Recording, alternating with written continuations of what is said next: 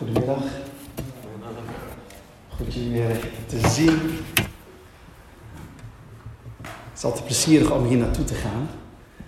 Ehm, en zeker als je zeker weet dat God een woord op je hart heeft gelegd. En ik wou het eigenlijk als volgt doen. Ik weet dat we op de livestream zitten. Maar vanochtend werd ik wakker en ik ben in de veronderstelling dat God een profetisch woord heeft voor de gemeente. Om richting te geven. En dan stel ik voor dat er op een gegeven moment dat de livestream wat dat betreft uitgaat. En dat ik jullie kan bedienen met het profetisch woord en kijken wat de Heilige Geest gaat doen. Omdat wat er net al werd gezegd, is dat in een tijd waarin je niet weet waar het naartoe gaat, is niets belangrijker dan dat je weet waar jij naartoe gaat. Amen. Dat wij afhankelijk zijn van Gods geest. En de Bijbel leert ons in het boek Johannes dat de Heilige Geest van ons de toekomst verkondigt. Oké? En we reageren allemaal anders op de situatie. Daarom geloof ik persoonlijk dat het woord van God, dat de gemeente en zelfs de profetische bediening belangrijker is dan ooit. Zodat je weet welke kant je op moet gaan. U moet zich voorstellen dat toen Mozes het volk uit Egypte leidde en dat de Schelzee voor hem was. Een berg aan de linkerkant en een berg aan de rechterkant. En de Egyptenaren achter hem aan. Wie had toen geloofd dat de Schelzee zou opensplijten? Wie had dat toen geloofd? Gaat het goed? Iets meer, iets meer afstand? Gaat dit beter zo? Ja, hè? Oké, En de vraag is ook eigenlijk deze middag: wat geloof je? Wat geloof je? En ik heb het niet over de maatregelen van RIVM of wat onze minister-president zegt, maar wat geloof je over God zelf? Is Hij echt die machtige God wat wij jarenlang hebben gezongen in de kerk? Is Hij die machtige God? Ik ben een beetje aan het uh, met de microfoon, maar dat geeft niet. En daar wil ik het over hebben met jullie. En daarom wil ik graag met jullie het woord openen. En uh, openen is even kijken. Gaan we naar het boek Jozua, hoofdstuk 1, vers 8. Ik heb niet eens een titel voor deze middag. Ik zal u uitleggen waarom. Ik werd vanochtend wakker en ik hoorde de Heilige Geest iets zeggen in mijn geest. En ik ben als het ware gaan zoeken, Heilige Geest, wat probeert u te zeggen? En daar heb ik vanochtend mijn tijd aan besteed. En ik geloof dat God strategisch wil spreken. Oké? En waarom strategisch? Omdat uh, strategie is belangrijk, zodat je weet hoe je je moet positioneren, zodat je ook weet welke keuze moet je vandaag maken dat effect heeft op morgen en overmorgen. En God is een strategische God. God is een visionaire God. God heeft plannen, want als Hij tegen ons zegt dat Hij een hoopvolle toekomst heeft, dan moet Hij wel een plan hebben voor de toekomst met jou en met mij. Kan iemand amen zeggen? En die is ook nog eens hoopvol. Het is niet zomaar een toekomst, die is hoopvol. En ik geloof tweeledig. Straks als we bij Hem zijn, maar ik geloof ook vandaag. Oké? Want omdat de Heilige Geest in ons woont, is eigenlijk de hemel op aarde. dus als je naar het werk gaat, waar je ook bent, daar waar je de Heilige Geest mag brengen, daar breng je een stukje van Gods tegenwoordigheid in de supermarkt. Op je werk. Jij maakt het verschil, of je nou gelooft of niet. Wij maken het verschil. En sterker nog, ik denk dat we als christenen, het is meer dan tijd om het verschil te maken. Toch? En iedereen denkt daar wat anders over. En de ene durft dat wel en de ander durft dat niet. Maar dat is geen reden om je te verstoppen. Amen. Laten we even gaan naar Jozua hoofdstuk uh, 1, vers 8. En ik denk voor degenen die al een tijdje naar de kerk gaan, die kennen deze versen vast wel. Of dit vers. En er staat dit wetboek, en ik lees vanuit de NBG-vertaling. Dit wetboek mag niet wijken uit uw mond, maar overpijns het dag en nacht. Opdat gij nauwgezet handelt overeenkomstig alles wat daarin geschreven is. Want dan zult gij op uw wegen uw, wat staat daar? Uw doel bereiken en zult gij voorspoedig zijn. Wat je hier ook van vindt, dit is wat God zegt. Dit is niet wat Melvin zegt, dit is niet wat een theoloog zegt. Dit is wat God zegt. En als God dit zegt, zou ik er maar van uitgaan dat het zo is. Ja? Want wij zijn ook heel erg goed om te bediscussiëren met God of het wel klopt wat in zijn woord staat, ja of nee. En ik wil u deze gedachte meegeven. Op het moment dat ik zou twijfelen aan het woord van God, twijfel ik aan zijn karakter. Dan twijfel ik aan zijn kunnen. Als God tegen jou en mij zegt dat hij de Schelzee voor Mozes heeft opengespleten. En als hij vandaag zegt, dat kan ik ook voor jou. En we zeggen, nou dat weet ik niet zeker. Dan zouden we hem bijna tot een leugenaar maken. Wauw, heb je wel eens zo naar het woord gekeken? Of zien wij het woord als een soort discussiestuk? Nou, afhankelijk van welke stroming en achtergrond je hebt en wat je hebt meegemaakt en hoe je situatie nu is, en alle beperkingen en moeite en de, de moeilijke situaties die je in je leven hebt meegemaakt. En sommigen denken, Melvin, wat denk je wel niet wie je bent? Want ik ben 20 jaar ouder dan jij en ik heb het echte leven meegemaakt en jij niet. En zo verlagen wij het woord tot een niveau dat wij kunnen begrijpen als mens. Maar God is in staat om bovennatuurlijk iets te doen. Bovennatuurlijk betekent eigenlijk dat hij kan opereren boven het natuurlijke.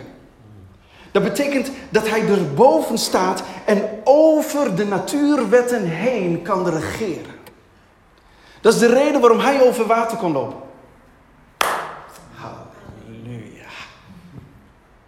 Weet je, als Jezus over water loopt, is geen mooi verhaaltje voor in de kinderbijbel, zodat wij de kinderen een mooi verhaaltje kunnen vertellen die wij zelf niet eens geloven. Daarvoor is het niet bedoeld, toch? Amen? Nee, het, hij is een persoon. De Bijbel is een persoon. Kijk maar in Jozef, of Johannes hoofdstuk 1. Het vlees geworden woord, het is een persoon. En dan staat er dit. In, in Jozef 1 vers 8. Dit wetboek. Met andere woorden. Wil je voorspoedig zijn? Wil je strategisch een keuze maken dat, dat logisch is in deze tijd met alle beperkingen? moet je beginnen bij het fundament. En dat is dit wetboek. Vertaald naar vandaag is het Jezus Christus zelf dat het fundament is. In 1 Corinthians 3 vers 11 staat dat. En in Efesius 2 vers 20. Daar gaat over Jezus Christus is het fundament. Als hij het fundament niet meer is in jouw leven, dan hebben we wat te doen. En het kan zelfs zo zijn dat het fundament beschadigd is. Dat hij je fundament was. En dat je ernaar verlangt dat hij weer het fundament wordt. En als dat beschadigd is, dan kan ik u vertellen, alles wat op dat fundament is gebouwd, gaat vroeg of laat ook schade oplopen. Want het fundament is niet meer sterk genoeg. En God zegt tegen Jozua, en dit is de context, hè. Jozua staat op het punt om zijn beloofde land in te nemen. En, God zegt eigenlijk, Jozua, als jij voorspoedig wilt zijn om je beloofde land in te nemen, dan raad ik je aan dat dit wetboek niet meer wijkt uit jouw mond. Dat is mijn raad aan jou, dat is mijn advies. God zei niet tegen Jozua, ik geef je een geweldige boormachine van de Gamma, zodat als je die muren van Jericho ziet, dat je in ieder geval met zo'n hele grote boormachine als het ware tegen die muren aan kan, want dan zul je voorspoedig zijn, want dat heb je echt nodig. Dat zei God niet. Wist God wel dat, er zo, dat, die, dat die muren van Jericho groot waren? 100%. En dan staat er, en mag niet wijken uit uw mond. Mag niet wijken uit uw mond. Wat betekent dat? Romeinen hoofdstuk 10, vers 17 zegt: Het geloof is uit het horen, het horen van het woord van Christus. Dus als je zegt, Melf, ja, mijn fundament kan wel wat uh, reparatiewerkzaamheden gebruiken, dan zou ik zeggen dat je het woord van God neemt en begint te spreken. God heeft jouw mond nodig om geloof te activeren. Want het geloof komt alleen maar door het horen van het woord van God. Weet je, soms willen we geloven zonder mond. Met andere woorden, ik geloof in mijn hart. God ziet mijn hart aan. En dat klopt helemaal. God ziet inderdaad jouw hart. Maar God heeft jou ook een mond gegeven die hij nodig heeft in een tijd waar onduidelijkheid is. Want wanneer je begint te spreken, moet alles wat onduidelijk is, moet buigen voor het woord van God. Want het woord zijn geen zwarte letters op dit papier. Het is een persoon. Zijn naam is Jezus. Dus voor degene die denkt, ja, ja, ik durf helemaal niet meer echt dingen heel radicaal uit te spreken. Ik ben niet meer zo heel erg overtuigd. Ik, ik, ik voel gewoon aan alles dat ik niet meer zo standvastig ben. En als ik met een collega zit, ja, dan, ja, dan, dan laveer ik er een beetje tussendoor. Ik weet dat jullie daar in Zwolle geen last van hebben, maar in Winterswijk hebben we daar last van. En daarom moeten we zeg maar weer opnieuw krachtig worden in de Heer. Moeten weer opnieuw krachtig worden wat de omstandigheden ook zijn. Maar Melvin, predik jij dan dat we dan tegen de maatregelen in moeten? Heeft u mij dat horen zeggen? Nee toch? Voor degenen die dat dachten, dat is niet wat ik predik. Wat predik je dan? Muur van Jericho, rondjes lopen, muren vallen. Dat is wat ik predik. Maar, maar wat zeg je dan? Doe wat God van je vraagt. Dat is wat ik predik. Durven we nog, strategisch in deze tijd, dat we onze mond gebruiken. En misschien zeg je, ja, maar ik durf het nog niet bij de collega's. Doe dat dan in ieder geval even thuis. Oké, thuis oefenen, op het werk praktiseren. Oké, thuis oefenen, op het werk praktiseren. Want als wij thuis niet oefenen, hoe dan op het werk? Jullie zitten me aan te kijken, waar heeft het over? Ik ga ervan uit dat jullie. ik ga ervan uit dat jullie gewoon aandachtig aan het luisteren zijn. Want, want ik geloof dat God, zeg maar, door de gemeente iets strategisch wilt neerzetten voordat we dit jaar uitgaan, zodat je weet hoe je het jaar in moet gaan. Amen. Dus je mond is belangrijk. En dan staat er overpijns. Overpijns. Wat betekent dat? Overpijns in de, vanuit de Hebreeuwse grondtekst betekent eigenlijk mompelen. Weten jullie dat de Joden dat dan ook doen? Hè? Dat ze als het ware het woord nemen, of de Torah nemen, of namen. En dan, en dan zie je eigenlijk dat ze een heel klein beetje zo met hun lichaam zo voorover gaan. En mompelen zij het woord. Toch? Oh, klopt dat? Er is, er, er is iets wat God heeft ingesteld, ik weet niet wat. Maar zelfs je lichaam reageert op datgene wat in het woord staat. En zeg eigenlijk, geloof komt door het horen, het horen door het woord van geloof komt door het horen. Doe jij dat thuis, Melvin? Ja, dat doe ik thuis. Ook met die bewegingen? Ja, ook met die bewegingen. Oké, cool. Dus kunnen jullie mij gewoon nadoen, hè?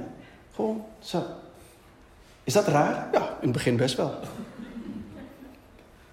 Maar goed, dat waren we toch al, toch? Raar. Dat waren we toch al. Zeker als je in Jezus gelooft, was je toch al.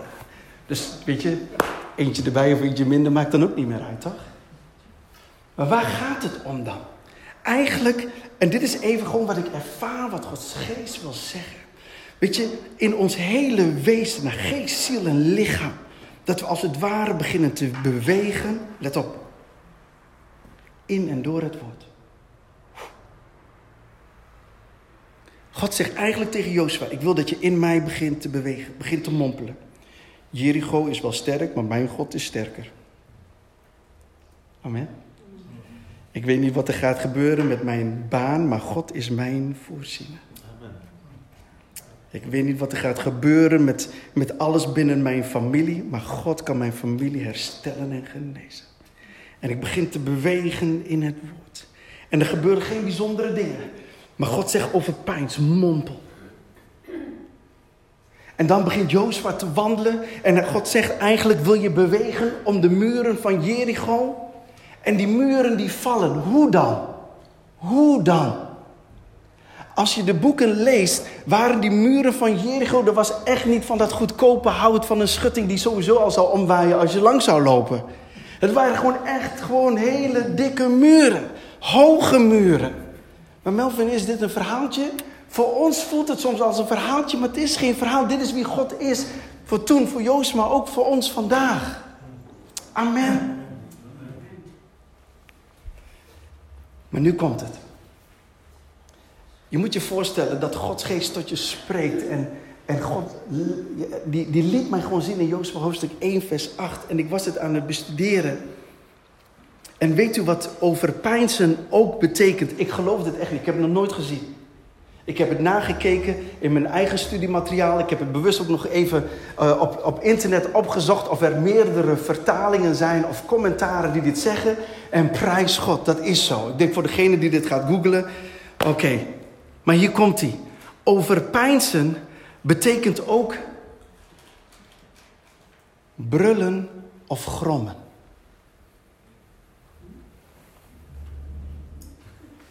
Ja, toen ik dit las, had ik dat ook. Weet je wat dit betekent? Ik heb gekeken naar het woord brullen, want uh, als je dat gaat bestuderen, dan heeft dat een nummer. En het heeft een Strongs nummer 1897, voor degene die dat wil googlen. Strongs nummer 1897, dat ga je zien. En toen dacht ik, oké, brullen is alleen wat een leeuw doet. En ben ik gaan zoeken waar dat woord allemaal nog meer in voortkomt in het Oude Testament. En wat blijkt, die komt ook voor in Jesaja 31 vers 1. Die moeten we gewoon even lezen, want dit is het fundament waar het profetisch woord van God op gerust is en op gebouwd is. Ik ben helemaal enthousiast. Ik weet niet wat jullie. Uh, maar ik, ik ben helemaal excited gewoon dat God dit doet. Hè? Dat is toch zo mooi, man. Jesaja 31, vers 1. Dus brullen is eigenlijk wat de leeuw doet. En dat staat in Jesaja 31, vers 1. Wee hun die naar Egypte trekken om hulp. Die steunen op paarden en vertrouwen op wagens, omdat zij talrijk zijn en op ruiters, omdat zij machtig in aantal zijn, maar de blik niet richten op de heilige Israëls en naar de Here niet vragen. Maar ook hij is wijs. Hij doet het kwaad komen en neemt zijn woorden niet terug. Hij richt zich tegen het huis der boosdoeners en tegen de hulp door de bedrijvers van ongerechtigheid verleend. Vers 3. De Egyptenaren daarentegen zijn mensen en zijn geen God. En hun paarden zijn vlees en geen geest. Daarom zal de Heere zijn hand uitstrekken, zodat de helper struikelt en de geholpene valt en zij allen tezamen vergaan. Vers 4. Want zo zegt de Heere tot mij. Zoals een leeuw of een leeuwjong over zijn prooi, en dan komt het woord, gromt. Dus hetzelfde woord van Jozua in hoofdstuk 1, vers 8. Als hij overpijnst, gromt hij. Oké. Als hij overpijnst, gromt hij. Ik ga het heel even verder uh, lezen. Er staat... Um, de ganse schare der herders wordt tegen hem samengeroepen, maar hij schrikt niet voor hun stem en vreest niet voor hun gieter, uh, getier. Zo zal de Heer der scharen ten strijde nederdalen op de berg Sion en op diens heuvel. Als vliegende vogels, zo zal de Heer der scharen Jeruzalem beschutten. Oh, dat zijn wij hoor. Hey, God gaat ons beschutten. Beschuttend redden en sparen bevrijden. Nou heeft hij het over ons, kom aan. En er staat in vers 6, bekeert u tot hem, van wie de kinderen Israëls diep zijn afgevallen. Dit is zo cool. Dit moeten jullie echt weten. Ik ben speciaal uit Winswijk gekomen om jullie dit te vertellen. Let op. Ik ben dus gaan kijken, wanneer grondt een leeuw? Een leeuw grondt onder andere wanneer hij zijn prooi heeft gedood. Dus, let op. Jozua gaat overpijnzen en begint te grommen. Dat betekent dat als ik het woord begin te lanceren, is er een geesteswereld die hoort de brul en de grom van de leeuw. En die brult alleen maar als hij zeker weet dat hij zijn prooi heeft gedood. Dat betekent dat er een communicatie gaat naar de geesteswereld die zegt: Melvin heeft gegromd. En als hij in staat is om Jericho te doden, is hij ook in staat om ons te doden. En angst komt in het kamp van de vijand.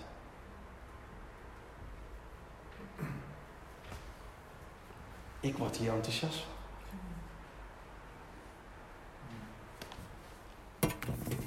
Wanneer het. Nou komt hij, hè? Het woord is een persoon.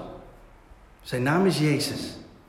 En de Bijbel zegt dat de dood is verzwolgen in de overwinning. En in de geesteswereld weten ze dit. Als Melvin de persoon Jezus begint te overpeinzen en begint te brullen als een leeuw van Juda en namens God het woord lanceert, weten we één ding. Einde verhaal. Wauw. Dit is de kracht van God. Dit is wat proclamatie doet. Daarom wil Satan helemaal niet meer dat we het woord weer proclameren. Hij wil ons stom maken, dat we niet meer spreken. Dat we niet meer in die waarheid zijn dat ons vrij maakt. Hij wil dat we, het, dat we wat water bij de wijn doen. Omdat, vanwege de omstandigheden waarin wij leven. Maar God zegt, ik wil niet dat je water bij de wijn doet. Want dat heb ik ook niet gedaan toen ik aan het kruis ging. Ik wil dat je de tegenstander laat weten dat ik nog steeds meer dan overwinnaar ben. Hij die in jou woont is groter dan die in de wereld is. Kan iemand amen zeggen? Yes. Want in Jozua hoofdstuk 2 vers 10. Nog heel eventjes. Heb ik nog heel even? Oké.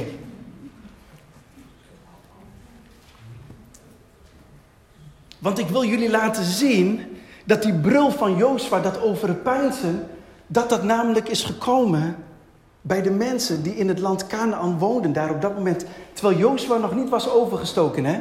Let op. Jozua was nog niet overgestoken. Hij was de Jordaan nog niet gepasseerd. En toen al waren ze bang.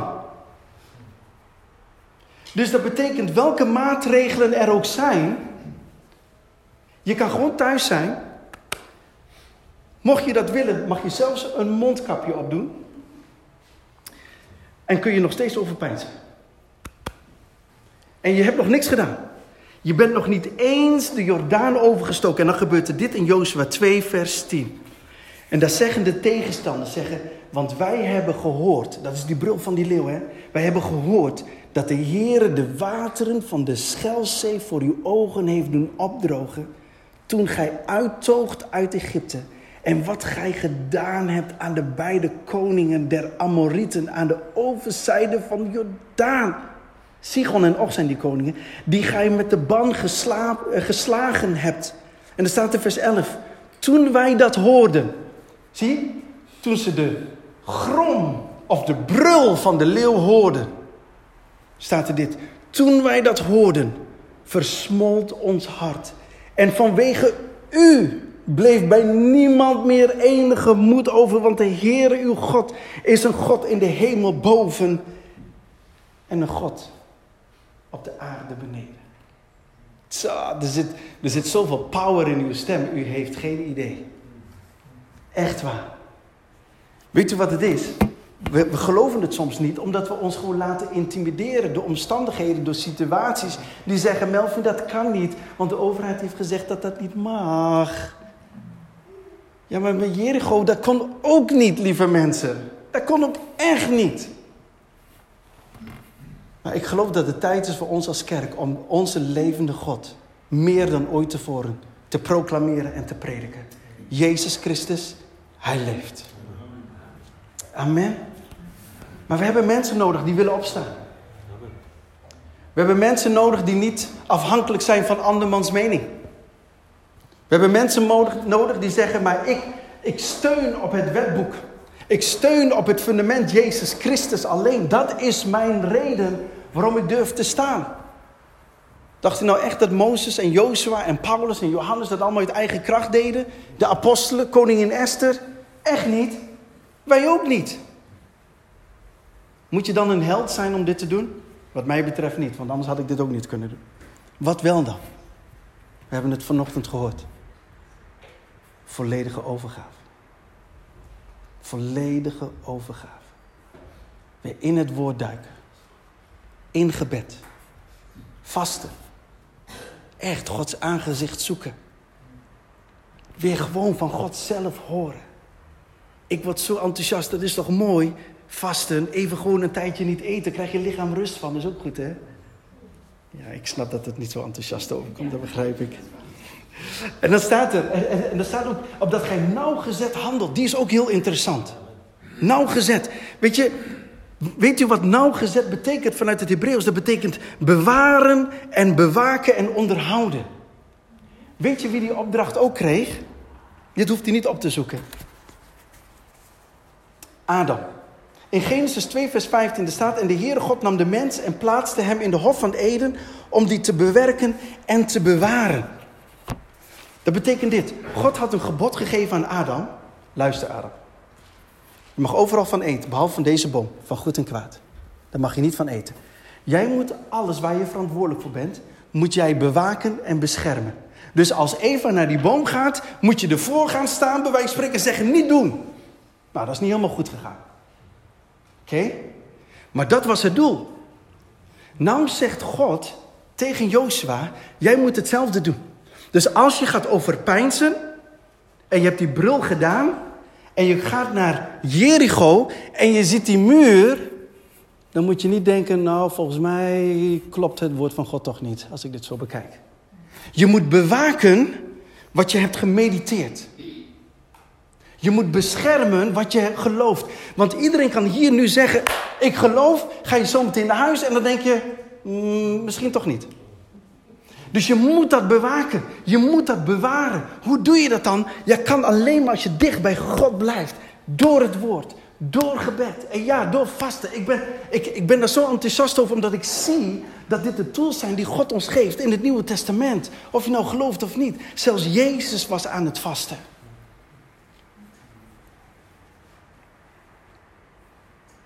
En dan gaan we ons doel bereiken en zullen we voorspoedig zijn. Dan ga ik naar het einde. Dat betekent, God zegt eigenlijk dit. Als jij begint te brullen op afstand, maakt mijn brul de weg voor jou vrij. Dat elke tegenstander die maar het idee had om jou dwars te zitten, zo angstig wordt van de brul van de leeuw van Juda, dat de weg vrijkomt en dat je altijd je doel kan bereiken.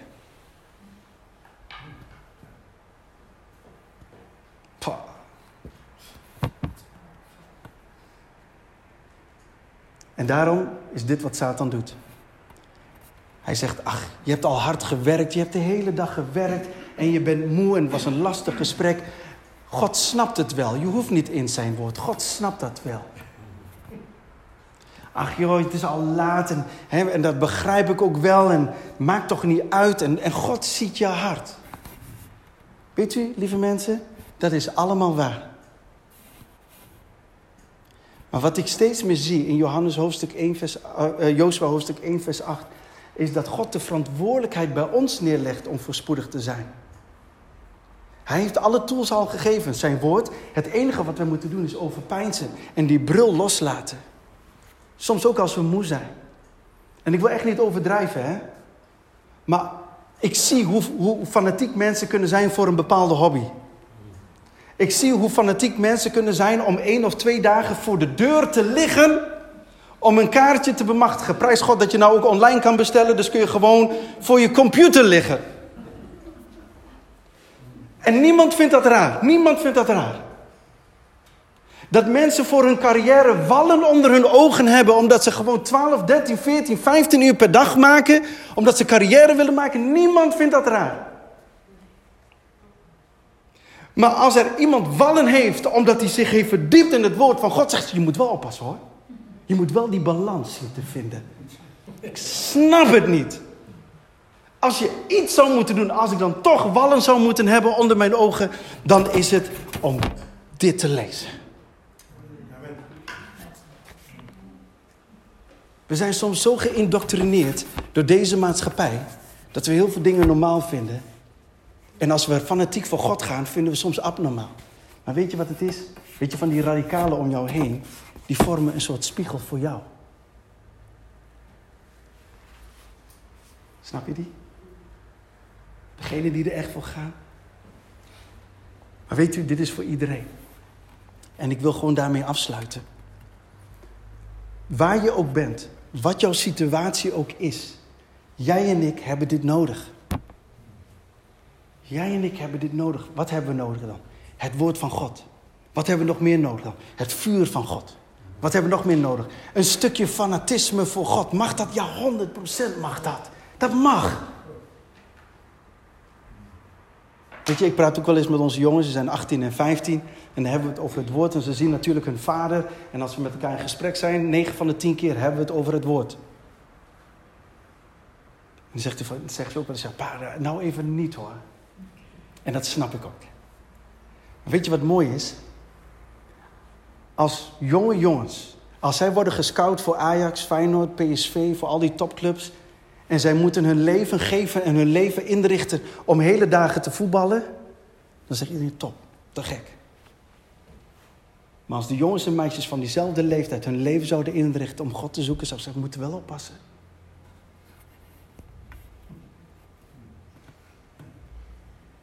Als er iemand was die op jonge leeftijd bezig was met de dingen van de Vader, was het Jezus. En wij mogen zijn voorbeeld volgen. Amen. Zullen we samen gaan staan? Ik weet niet hoe het werkt, maar dat we zo meteen de livestream kunnen afsluiten.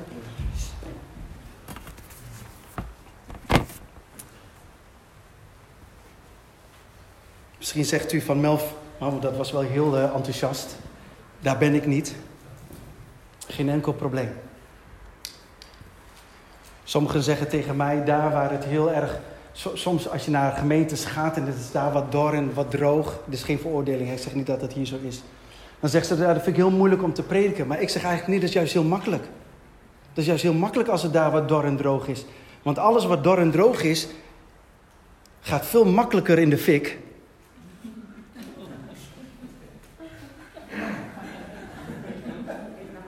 dan als het allemaal waterig is en dat soort dingen. Daarom is het juist mooi. Toch? Maakt niet uit waar je bent. Voel je niet veroordeeld, voel je ook niet beoordeeld. Dat is totaal niet mijn intentie. Maar wat nodig is, is dat we opstaan en dat we echt waarachtig het vuur van Gods geest in ons leven weer eens gaan onderzoeken. Is dat vuur er nog? Of zeggen, nou, ik weet inmiddels wel alles over God en over de kerk. Nee, dat weten wij niet. Dat weten wij niet. Ik wil gaan bidden. En daarna wil ik gewoon het profetische woord wil ik gewoon delen met jullie. En kijken hoe het gaat. Tenzij we echt om een bepaalde tijd weg moeten zijn. Maar als de geest voor mensen een woord heeft om richting te geven. Ehm, weet je, dit is wat Paulus ons leert. Dat als de Heilige Geest wil spreken. En als een profeet zou willen profeteren. De geest van de profeet is sowieso onderworpen aan de leiding. Dus het is niet zomaar dat we doen waar we zin in hebben. Maar de Heilige Geest is echt een gentleman. En zorgt ook gewoon dat de leiding van de gemeente altijd de leiding behoudt. Ja? Dat is belangrijk om te weten. Hemelse Vader, ik wil u danken voor dit moment. En ik geloof dat u op het punt staat om iets te lanceren voor Christus Centraal Zwolle. En ik geloof u. En ik geloof ook echt dat u de muren gewoon kan laten vallen, maar ook anno vandaag. En ik wil u vragen, wilt u uw vuur doen laten komen in deze ruimte? Wilt u de harten langs gaan en u ziet welke harten openstaan voor u? U kan dat wel zien, ik niet. En daar waar de harten echt oprecht openstaan voor u, wilt u die aanraken? Wilt u de rij langs gaan op dit moment? En wilt u met uw vuur naar binnen gaan? Wilt u ze dopen met uw vuur in de naam van Jezus? En ik geloof, Heilige Geest, dat u profetisch het woord wil lanceren. Dat u dat met kracht wilt, uh, gepaard wilt doen laten gaan. En dat het uw verlangen is om richting te geven voor de mensen die hier zijn. Voor de gemeente in een tijd waarin dat moeilijk is. Maar we hebben u nodig. Heilige Geest, we danken u niet alleen voor uw tegenwoordigheid. Maar we nodigen u ook uit voor de bediening. Dat u de bediening doet om de gemeente op te bouwen. Dat kunnen we niet alleen. Dat kunnen we alleen als u ons helpt.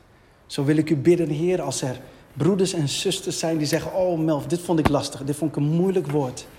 Ik vond het zelfs een irritant woord. Ik hou er helemaal niet van als je zo fanatiek doet. Heer, ik wil u bidden. Wilt u mijn broeder en mijn zuster, wilt u hem en haar genadig zijn? Wilt u komen met uw rust en met uw vrede? Dat juist zij de mensen mogen zijn die in vuur en vlam voor u komen te staan. Dank u wel daarvoor. In Jezus' naam. Amen.